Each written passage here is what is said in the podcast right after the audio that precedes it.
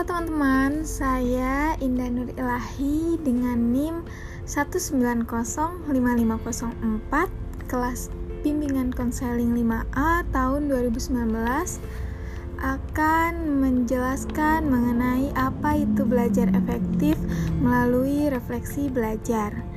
Nah, uh, teman-teman, kita ini memiliki kemampuan untuk merefleksikan diri terhadap proses belajar yang akan menjadikan kita sebagai pembelajar yang mandiri.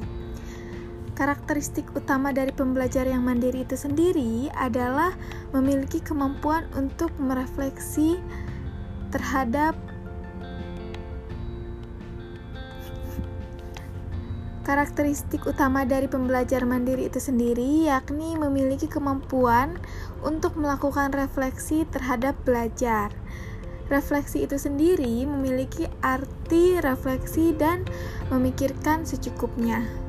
Dengan kata lain, refleksi belajar adalah upaya menggambarkan, membayangkan keberlangsungan belajar yang selama ini tengah dijalani untuk kemudian dipantulkan kembali ke dalam diri menjadi media evaluasi serta koreksi menuju proses belajar yang lebih baik lagi. Nah, salah satu dari karakteristik proses refleksi itu sendiri ditandai dengan adanya perubahan yang dilakukan dengan penuh kesadaran dan perencanaan. Perubahan-perubahan tersebut dilakukan secara kognitif, afektif, dan psikomotorik. Agar refleksi belajar lebih terarah, maka ada dua hal yang harus dilakukan nih teman-teman. Hal yang pertama yakni membuat rencana kemajuan pribadi. Membuat rencana kemajuan pribadi ini seperti uh, teman-teman menyusun uh, hal-hal apa aja sih yang bisa membangun diri teman-teman untuk ke depannya gitu.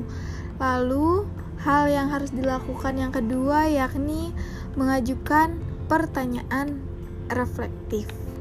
Nah, uh, bagian untuk mengajukan pertanyaan reflektif ini sendiri uh, akan dijelaskan lebih lanjut oleh saya. Nah, teman-teman, uh, selain kedua hal tersebut, kita ini sangat membutuhkan niat niat yang baik dan kontinuitas. Bila kita ingin proses itu menjadi kebiasaan yang efektif dan membantu belajar kita, maka kita harus selalu memiliki niat baik dan uh, kontinuitas, yaitu uh, tidak uh, setengah-setengah gitu ya, teman-teman. Nah, tadi kan uh, langkah yang harus dilakukan kedua itu mengenai pertanyaan reflektif ya, teman-teman. Nah, pertanyaan reflektif di sini digunakan agar refleksi belajar teman-teman lebih terarah dan terukur. Nah, kita ini perlu membuat stimulus atau rangsangan yang berupa pertanyaan-pertanyaan yang membangkitkan kesadaran dan menstimulus refleksi pengalaman belajar kita. Namun, tidak hanya sebatas bertanya, kita pun perlu menuliskannya dalam buku atau catatan pribadi karena bisa jadi catatan itu akan memberikan inspirasi-inspirasi serta ide-ide segar dan brilian bagi teman-teman sekalian. Nah, selain itu, ide-ide tersebut harus dicoba dan diusahakan untuk direalisasikan sama teman-teman.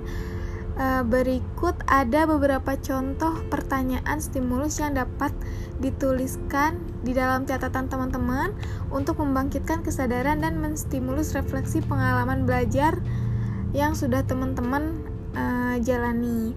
Nah, pertanyaan yang pertama ini mengenai apa sih definisi sukses bagi teman-teman? Nah, kalau misalnya teman-teman uh, sudah menemukan apa itu definisi sukses bagi teman-teman, teman-teman silahkan tulis di buku teman-teman sendiri. Lalu uh, teman-teman bandingkan dengan beberapa definisi pakar yang teman-teman temukan di internet, di buku, atau di mana pun. Nah, lalu teman-teman ambil berapa poin kunci yang mudah teman-teman rekam di otak-otak di otak teman-teman. Nah, yang kedua e, pertanyaan reflektif yang kedua yakni apa sih faktor-faktor sukses bagi teman-teman?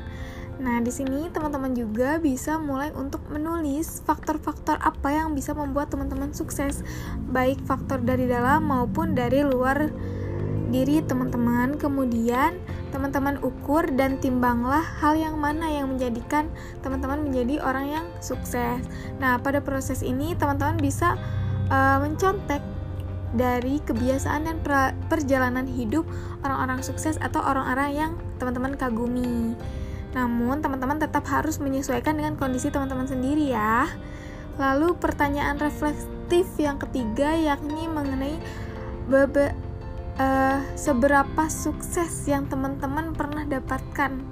Nah, teman-teman coba ingat-ingat lagi dan catat uh, apa apa saja hal-hal sukses yang pernah teman-teman raih dari kecil atau sesederhana apa pun sampai hal-hal sukses yang besar yang pernah teman-teman raih.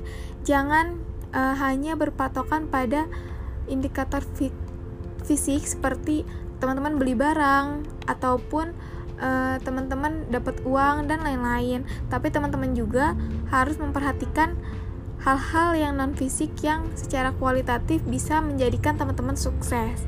Pertanyaan selanjutnya yakni pertanyaan yang keempat. Beberapa sukses eh, seberapa sukses yang akan dicapai oleh teman-teman. Nah, teman-teman juga boleh eh, tuliskan apa aja hal-hal yang ingin dicapai oleh teman-teman nantinya, kehidupan macam apa yang akan teman-teman raih dan kesuksesan apa yang teman-teman uh, ingin capai, lalu prestasi setinggi apa yang teman-teman ingin rengkuh dan keberhasilan macam apa yang teman-teman uh, dambakan. Lalu pertanyaan selanjutnya, yakni pertanyaan yang kelima adalah apa saja yang sudah disiapkan teman-teman untuk menjadi orang yang sukses. Nah, e, ketika teman-teman menuliskan kesuksesan, prestasi, keberhasilan, dan kehidupan yang teman-teman inginkan, uh, ukur juga nih teman-teman dengan jujur terhadap diri teman-teman dan hati nurani teman-teman apa persiapan yang telah dan akan dilakukan teman-teman dan sejauh mana persiapan itu uh, sedang teman-teman kerjakan. Lalu pertanyaan yang selanjutnya yakni apakah teman-teman sudah mengetahui kelemahan dan kelebihan teman-teman untuk mencapai sukses tersebut?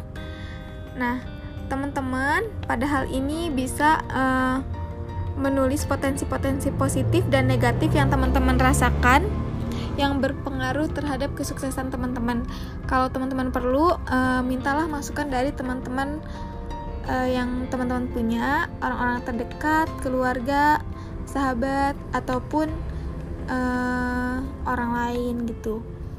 Lalu pertanyaan selanjutnya adalah apakah teman-teman sudah memiliki strategi belajar yang cocok untuk meraih sukses-sukses tersebut. Nah, jika teman-teman uh, merasa uh, sudah menemukan strategi belajar yang cocok, apakah strategi tersebut efektif dan efisien? Nah, coba teman-teman uh, catat di buku teman-teman atau teman-teman bisa menu mencontek dan meniru orang lain.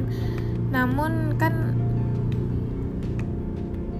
ya udahlah gitu lalu pertanyaan yang selanjutnya adalah dapatkah saya menentukan pola terhadap kesuksesan gitu. lalu pertanyaan yang selanjutnya yang ini pertanyaan yang kedelapan e, bila teman-teman menemukan kesulitan bila teman-teman menemukan kesulitan untuk meraih sukses, apa yang harus teman-teman lakukan? Lalu siapa saja yang dapat membantu? uh, teman-teman juga cari dan tuliskan sumber-sumber belajar yang akan menjadi penunjang sukses teman-teman. Namun harus diingat bahwa sumber belajar tidaklah harus selalu seorang guru, namun bi bisa banyak hal ya teman-teman seperti uh, pengalaman, rekan kerja, buku, internet dan lain-lain. Pertanyaan terakhir nih teman-teman, apa yang teman-teman lakukan bila kesuksesan teman-teman setelah apa yang akan dilakukan teman-teman bila teman-teman setelah mencapai kesuksesan atau uh, teman-teman sungguh tidak mendapatkan atau teman-teman benar-benar mendapatkan yang teman-teman citakan atau teman-teman ah, atau teman-teman benar-benar mendapatkan teman-teman yang ataukah atau uh, teman-teman benar-benar mendapat atau tidak yang dicita-citakan teman-teman. Nah, teman-teman uh, boleh ditulis reward reward apa aja yang akan teman-teman rayakan bila teman-teman mencapai suatu sukses. Lalu, selain itu, teman-teman juga bisa menulis punishment kepada teman-teman bila ada uh, beberapa hal yang teman-teman langgar baik sengaja atau tidak. Nah, uh, mungkin cukup sekian untuk uh, belajar efektif melalui refleksi belajar. Semoga membantu. Sampai jumpa di lain waktu.